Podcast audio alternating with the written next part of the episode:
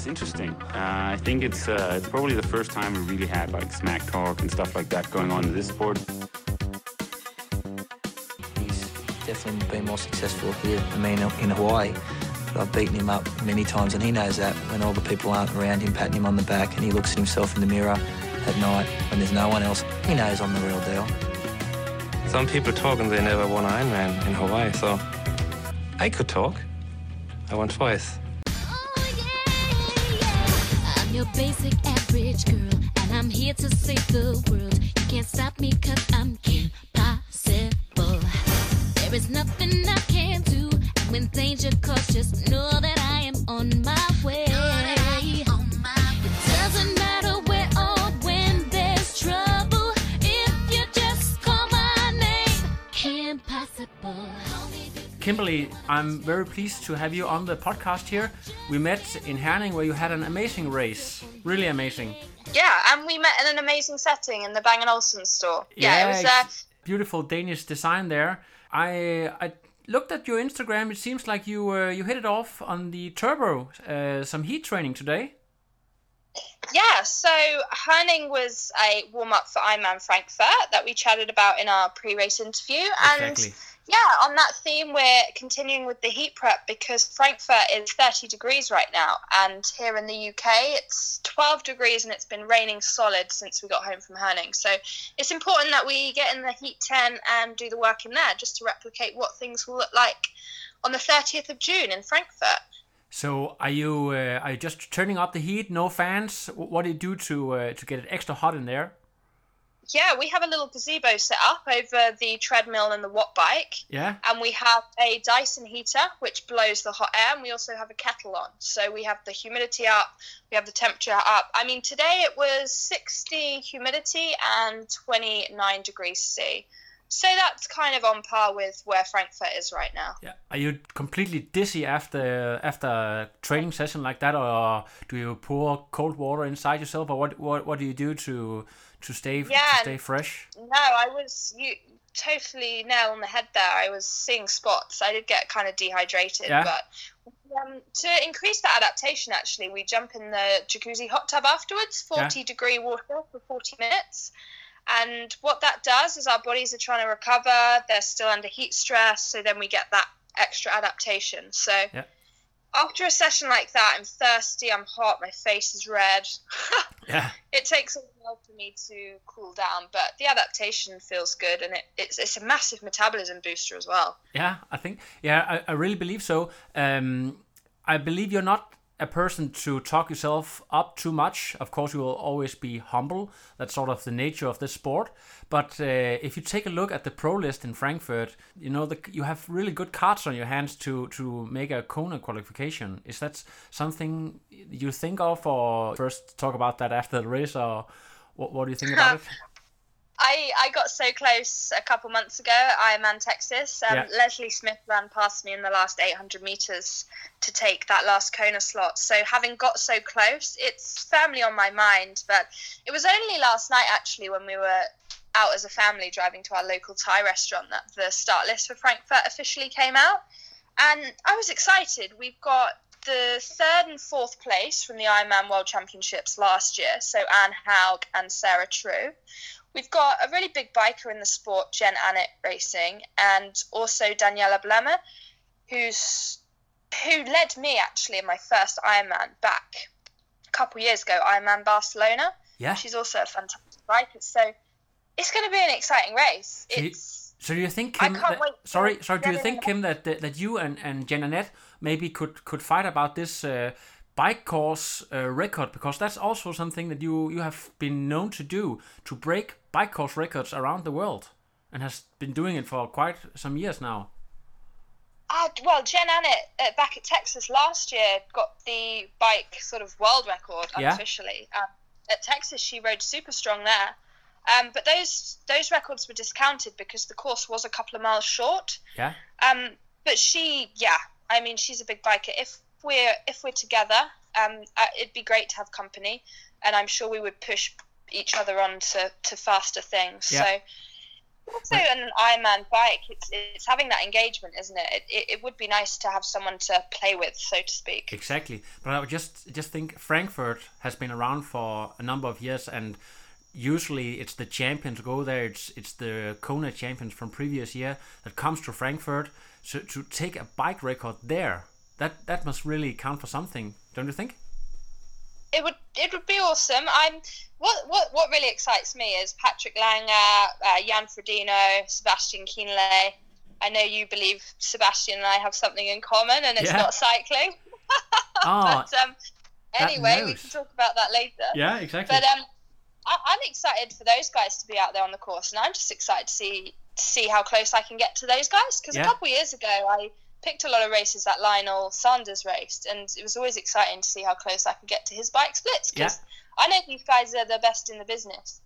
So, Are, are you are you more to, are you are you comparing uh, more to the guys than the girls actually? yeah, I'm not. Com- I'm not. I'm not wanting to beat them. Not at all. I'm just interested to see how close I can get to them.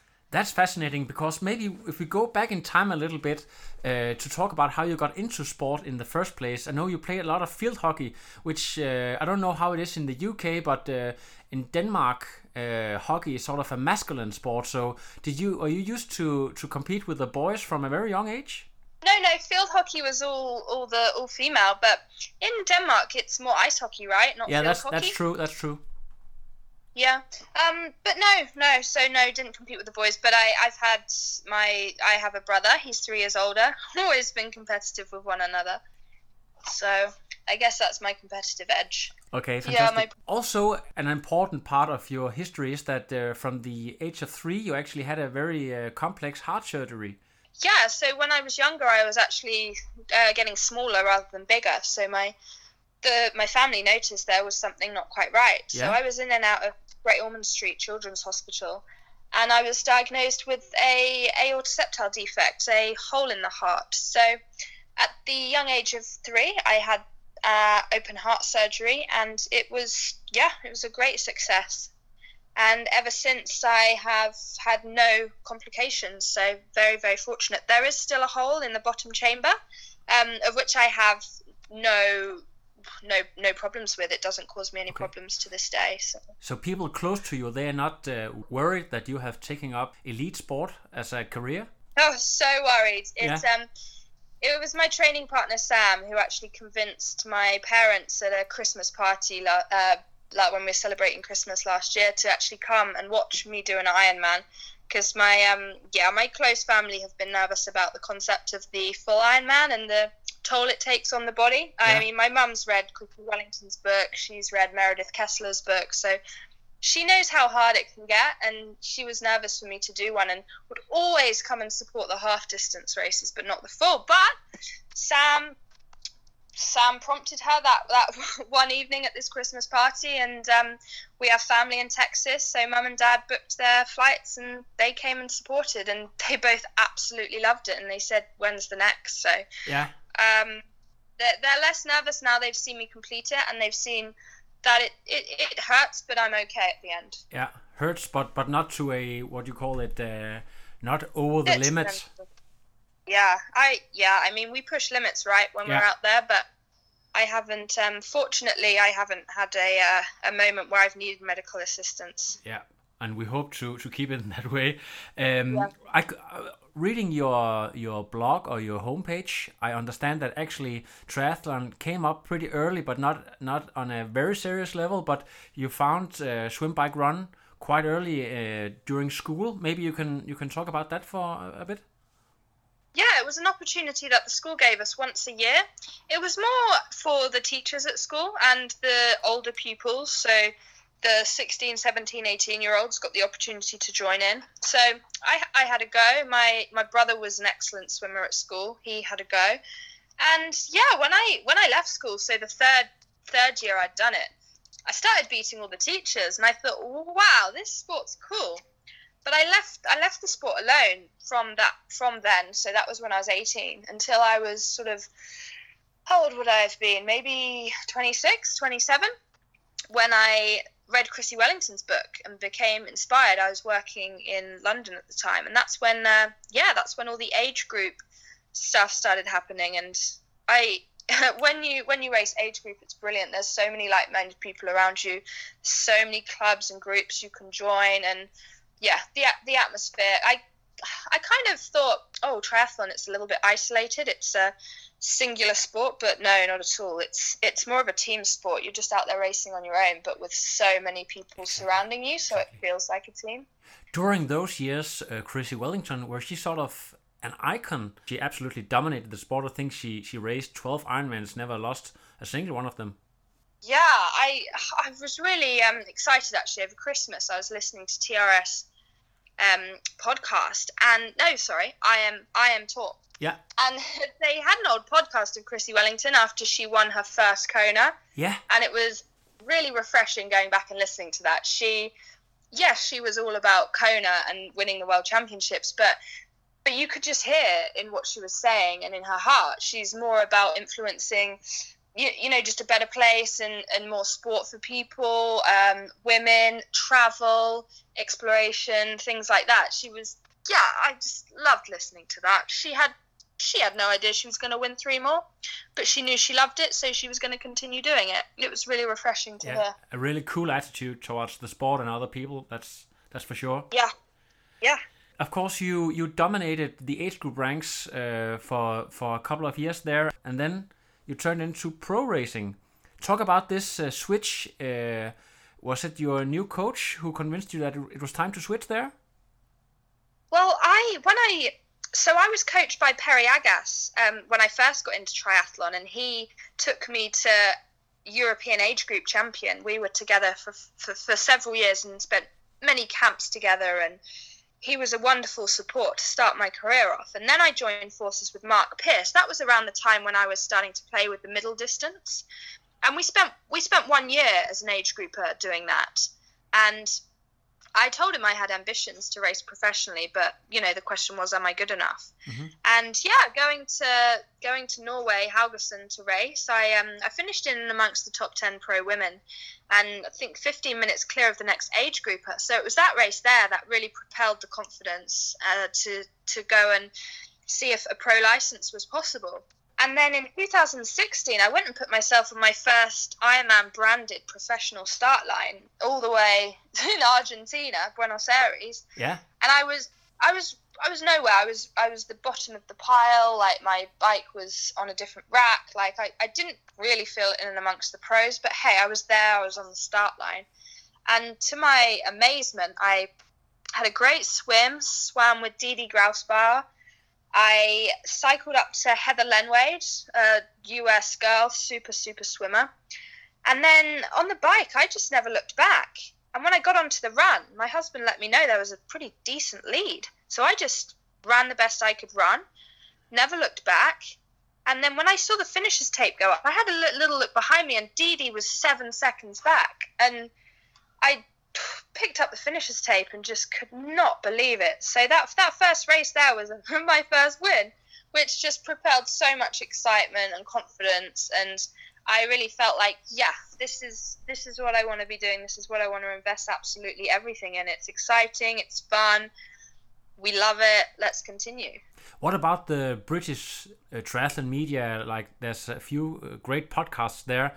Were you noticed from that result, or did people want interviews, stuff like that, after your win? Yeah, and um, as well as as well as the the podcasts in the UK, I have a really lovely support local to me in Norfolk. So we have BBC Radio Norfolk, we have North Norfolk Radio, we have the Eastern Daily Press. All of these things are are following all the races I do, and they're always reporting on them. And it's so lovely to go out to my local club, Trianglia, and everyone knows what's been achieved. Everyone knows what's happening next. And That's amazing. There's a lovely sense of, of the will to to will me to do Yeah. to do well, and it's it's so nice to have that support. And that's that's that's it's, it means the world. It's it would feel so lonely if, if that wasn't there. So I yeah, I'm so grateful for that. I believe that's also good for sponsors that you have a chance to to yeah get sponsors. Yeah, absolutely. And local sponsors, um, my parents' family run business, Wentz and Pools, a supplier of theirs, Jacuzzi Hot Tubs. They are my headline sponsor. And have been since the beginning. So it's pretty cool. Uh, recovering in a hot tub, it doesn't get much better than that. So it's it it, it, it works very well for me. Another result I really want to uh, talk about is Challenge the Championship 2017. The overall results might not be uh, one people uh, will lie awake at night and talk about, but but the bike split and the people you you outsplit there, it's just like top of the world athletes. Talk about this race and uh, maybe uh, what people said afterwards, uh, what this meant for you. Yeah, so it's when you get a flat bike course, it um and you and it's not technical, so it's literally a straight out and back. It's like a time trialist course. There's so much pressure that needs to go through the pedals constantly. So when people talk about big bike courses like your Ironman Wales and your Ironman Lanzarote, yeah, they're massive bike courses, but a time trialist course is a massive bike course in, in, in another way. I mean, it's back breaking. You're on the power the whole time. Daniela even commented in her speech post Ironman Texas that she won a couple months ago how tough that bike course is because it is so relentless. But I thrive off that. So a course like Samorin and out and back, I just got my head down, I'm fortunate enough to be supported by Drag2Zero, a time trialist team here in the UK. So I've I feel like I'm racing on all the fastest equipment, and I've had some wind tunnel testing done with Simon Smart, which puts my CDA as good as we can get it. So there's not much drag when I'm riding my bike, and I'm just loving these flat courses. I'm just loving the continuous pressure through the pedals, and that's what Samorin's all about. So I'm glad that that was an opportunity for me to really show that. That's fantastic. Um, I have spoken to a few Danish Uber bikers, and one very interesting interview I did was uh, with a guy called uh, Christopher Visti talking about. Uh, he's much more focused on aerodynamics than on uh, actually uh, power in the pedals. Are you a little bit of a mix there, or are you also very focused on being um, aero and no drag and stuff like that? Yeah, so my position was set um, 18 months ago, and I haven't I haven't moved it. I mean, there I, I would love to go go after the 100 mile time trial British record, and we may make some adjustments for that. But I get in a position and I get comfy in it. I think the biggest thing is people when they get in their position, they've got to get their head down. You almost need to sink it into your into your shoulders, like below the shoulders. You really need to sink that head because that's what will give you that extra aero yeah. advantage. We can play about with single chain rings, we can play about with wheel choices, spokes, wheel chain catcher, no chain catcher, like these tiny, tiny details. But you know, the what we found is for me getting my head down is the most important. So when I'm racing, I'll just quickly put a hand onto the top of the head, just push my head down and just ensure, yeah, okay, this is where my head needs to be. Don't get me wrong, you get a stiff neck, but it's worth it. Another famous triathlete who has done really well on the uh, as a time trialist, uh, Phil Graves. Are you uh, are you competing alongside him? Is he also one who, who goes after these records and race local time trial races and stuff like that? Well, I believe like I'm not. I'm not. I'm not t- too familiar with him. I mean, I know his um, his previous um, good attributes to cycling, but um, for me, I mean, we talk about the bike and we talk about bike records, and we compare to male bikers like Phil Graves. But for me, I'm still trying to become the best triathlete I can I can be. So it's still very much for me. Let's get these running legs moving quicker off the back of the bike yeah. because my intensity factor it isn't anything ridiculous. I'm probably cycling the same intensity factor as a lot of the field. It's just the run legs need to they I want to say they need more time. I don't think they do. I think there is definitely progression seen in my training. We just need to put it together in a race situation. Right now, are you actually on a on a bike level that you you could win uh, pure bike races? I am part of a team with some incredibly strong women, and when I go to a time trial with those girls, I would struggle to finish out on top. They are incredibly strong. Yeah. But we'll see. Uh, we haven't raced yet this year, so we shall see. And th- that's a new thing for 2019 that you're on this team. Uh, no, I was on the team in 2018. This is my second year. Uh, second year, Zero. okay, but it's super interesting uh, that you you you were able to mix that up, and and uh, I think I, I believe actually that you could benefit from uh, from mixing those two uh, sports. Yeah, and I loved it. There's lots of local time trials in Norfolk where we live. Yeah. With the North. There's a bi- big uh, cycling culture up there. Yeah, and we have time trials Tuesday, Wednesday evenings, and they're they're a great hit out. Ten miles, twenty five miles. They do a thirty mile hilly. As soon as I, as soon as all of us put a number on our back, we become way more competitive, That's right? cool. So it's a great opportunity Yeah. to do that. I actually I believe Joe Skipper he also had a, a background in, in cycling and time trialing. Yes. Yeah. Yeah. That's He's. I've I've actually spoken to some of his training partners he's been away on camp with, and I'm like, what does Joe like to cycle with? And they're like, he's an animal. He's he's awesome on the bike. He's got so much, so much to give on the bike. It's inspiring. Exactly. Um, now let's talk a little little bit more about uh, your everyday training and uh, your training partner and uh, travel partner, um, Sam Proctor. Also a uh, a guy who's who's going to uh, race in Frankfurt and uh, he has a PB of 8:14 and uh, hopes to to better that uh, quite a bit. Um, you guys, ho- for how long have you uh, known one another? Uh, we've known one another for a few years. Yeah. Um, quite a few years actually. Yeah. Um, but we've become uh, training partners since he joined forces with the same coach I have, Mark Yeah. Pierce from Intelligent Triathlon Training. And um, we go on camps together. We've been on camps together for the last few years. And it's just now since Sam's turned professional, we've we've just so happened to pick the same races. So we it was kind of so similar in Texas. I mean, we were both one slot away from a Kona qualification, so we weren't expecting to have this conversation post Texas, but we did with our coach. It was let's go and give it another go. That's And perfect. we all three of us agreed Frankfurt, and we worked back from Frankfurt and decided to challenge Herning. Sam raced Herning the year before and gave it a really good positive review, so that's why we were back there. And the dynamic between us works really well. Sam's a great swimmer. He's pushing me on in the water all the time. He enjoys the company. And then cycling, sitting on the back of Sam's wheel is enough to give me the intensity factor I need for these rides. So we, I can stick with Sam. I'll, I'll never outbike Sam, but I can stick with Sam, and I'm, I'm working at an intensity which is sufficient. With the running, we go our separate ways. He's uh, in a class of his own when it comes to running, so we don't do any run training together. But also things like the diet and recovery and things like that, we're very similar. So it just works works very very well.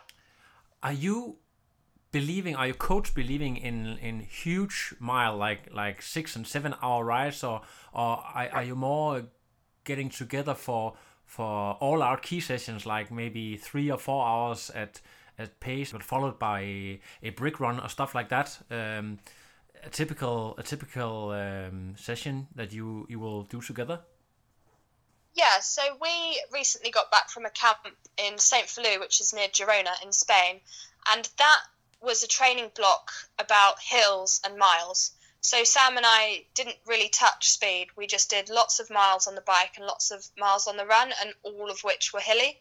So we were doing six, seven hour rides, two, three hour runs out on that camp and not touching speed. But then now, between now and Frankfurt, the speed's becoming more of a factor. So, in answer to your question, I would say it works in blocks. Yes, we do the shorter rides. Yes, we do the longer rides. We just periodize, or our coach periodizes it to work in with what races we have coming up. I think for Sam, I think the the long miles helped his bike. He had the strongest bike he's had at Challenge Herning. Um, it may have hurt his his run legs a little, although that wasn't a course to run a super quick time on. Um, I think for me, the volume on the run didn't affect the speed of my run. It was a solid run for me in Herning, and again, I, I held some of my best bike numbers. So I feel for Sam and I, the long endurance hill work works very well. But if we want to get the top top end out of ourselves, we now need to start introducing the speed. Yeah, great. I had the I had the pleasure to meet your husband Ben here in Herning, Yeah. and uh, he's also working as your coach. Is is it like uh, not sorry not coach but uh, but manager of course? Is Yes, is Ben. he Yeah, Ben does absolutely everything. He's Absolutely brilliant. I mean, yeah, apart from the actual race itself, he's just excellent at getting everything perfectly ready. So Ben's Ben loves the sport. He loves reading about it. He loves keeping an eye on what other people are doing.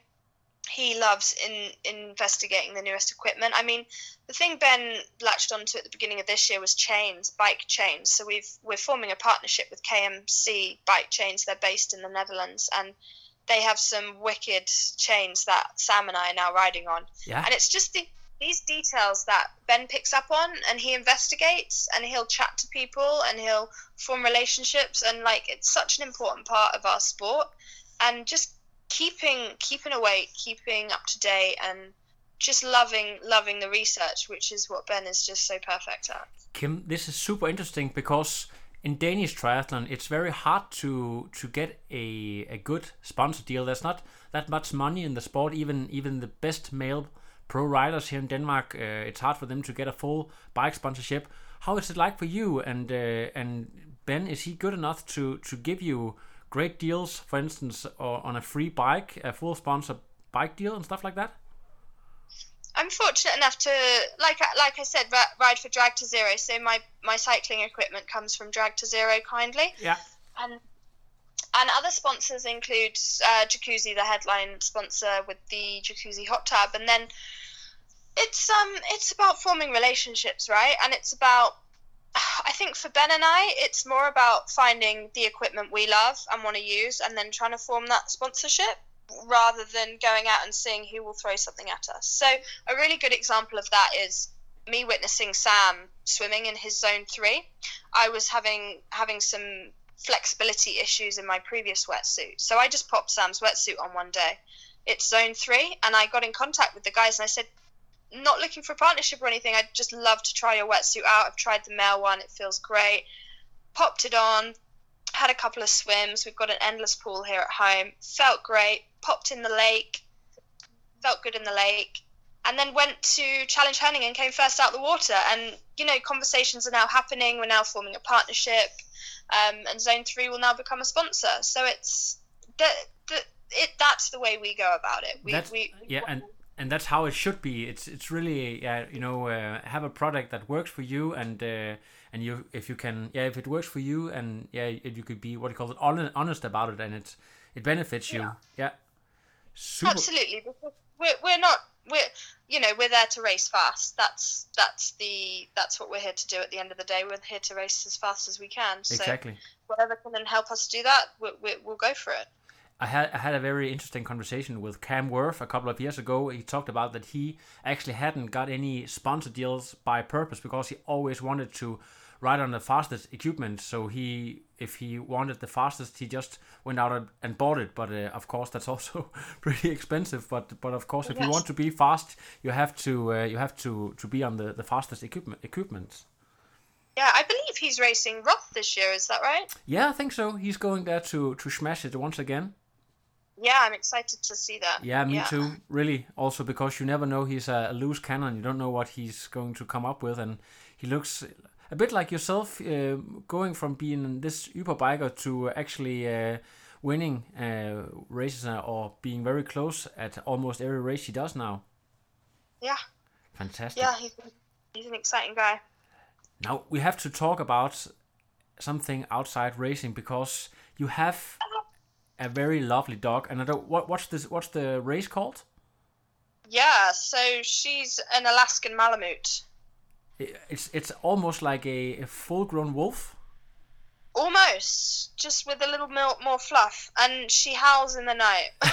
she she is very similar to a wolf. She she's a little more hot than I am. She's got eight and a half thousand followers on Instagram to my two and a half thousand. Yeah. what, what, what, do you think about that? To be uh, to be uh, outnumbered by your own dog? Yeah, her sponsorship deals are way better than mine. I'm still living off her. Yeah.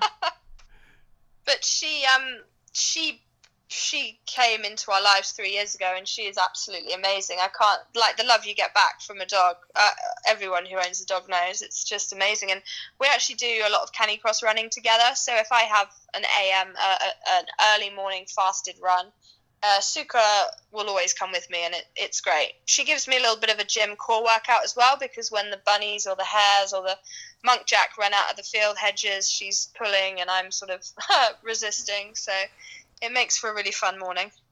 How big a part of the money that you win racing is going to dog food? I believe she eats quite a lot. Wowzers! She's like a ten grand a year dog. That's fantastic. She's worth every penny. yeah, do maybe you should get a, a, a few uh, more like uh, like her kinds. Then you could uh, actually also compete in what do you call it, uh, slate ride, slate slate races. Yeah, and the Canicross World Championships. There's a lot in Europe. It has crossed my mind. Believe me. yeah, it's just about convincing Ben that we yeah, that we should get another one. What do you do when, of course, you have to travel a lot? That's that's part of the deal. Uh, where where does she stay when uh, when you are out uh, racing around the world? Yeah, so she has some um, brothers, two Airedale Terriers, mum and dad's dogs, and yeah. she goes and has sleepovers with them. And yeah, they they they tolerate her company. They're a lot older than her, so they just tolerate her. Oh, that's fantastic. but, I, th I, think she's yeah. She has she has a home. She has a home away from home. Okay, that's great. But you you would never think about maybe bringing her to to a, a if you go to a, a, longer camp somewhere, you you'll never think about bringing her. The problem is that she's an Alaskan dog and she doesn't like the heat, and I tend to go on camps to to find the heat. So yeah. it wouldn't be fair. It would just wouldn't be fair to have her in of a course. hot place. Maybe you should think about making a camp in Alaska sometimes next year. there is, there is. I, I copied Sam in, Sam Proctor, my training partner, in on a post. There is an Antarctica, Antarctica, if I said that correctly, um, race. And I just kind of thought, wow, that is the ultimate test of endurance. Exactly. Maybe that one, yeah.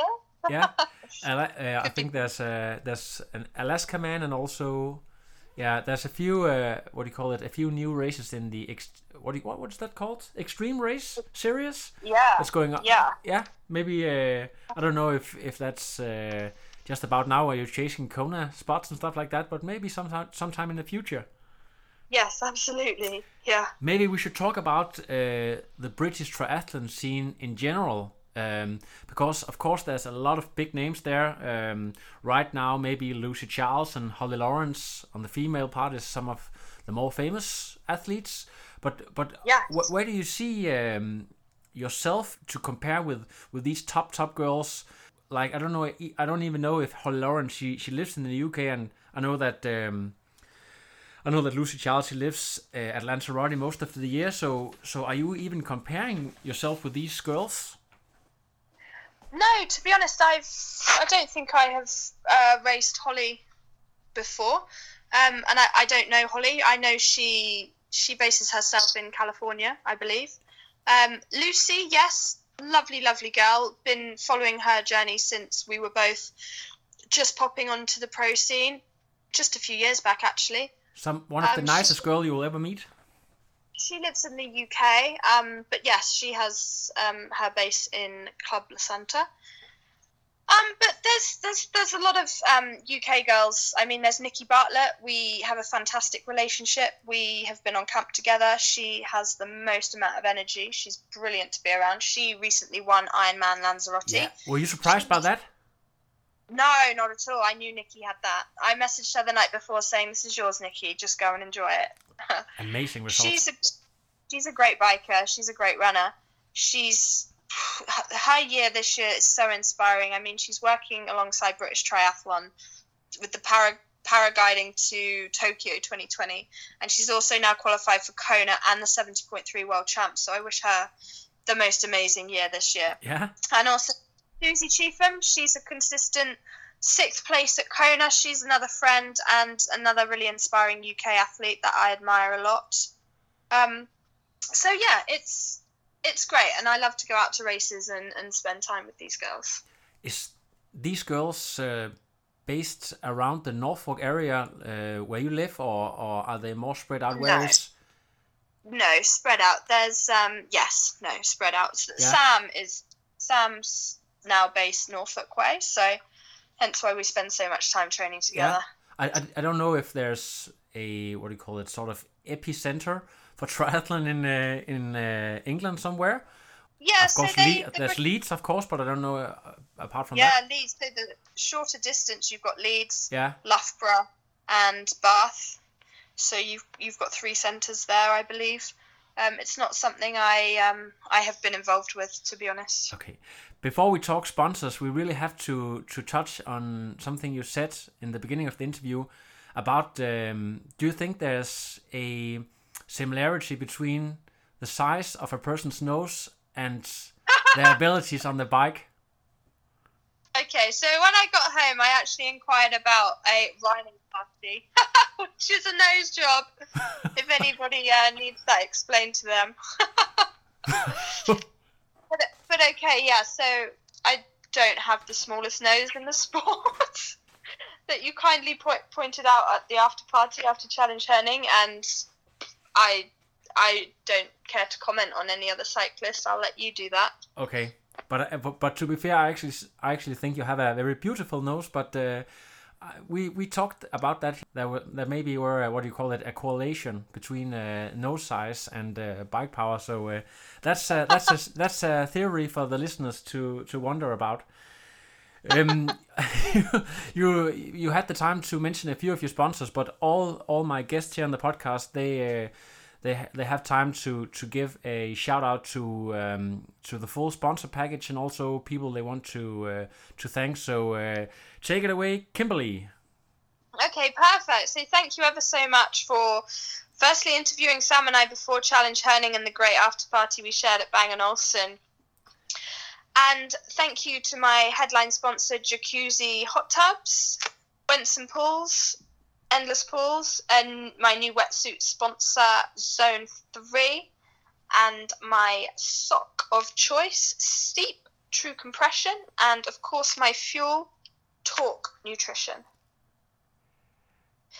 I also ride in Endura race kit and train also in Endura kit. They are born in Scotland and I believe are the fastest in all triathlon clothing equipment. Okay, fantastic. Maybe you should, um, if you ever need a, a part time job, beside being a professional athlete, maybe you should be a speaker on the local radio because you have a beautiful uh, way of uh, announcing sponsors and stuff like that.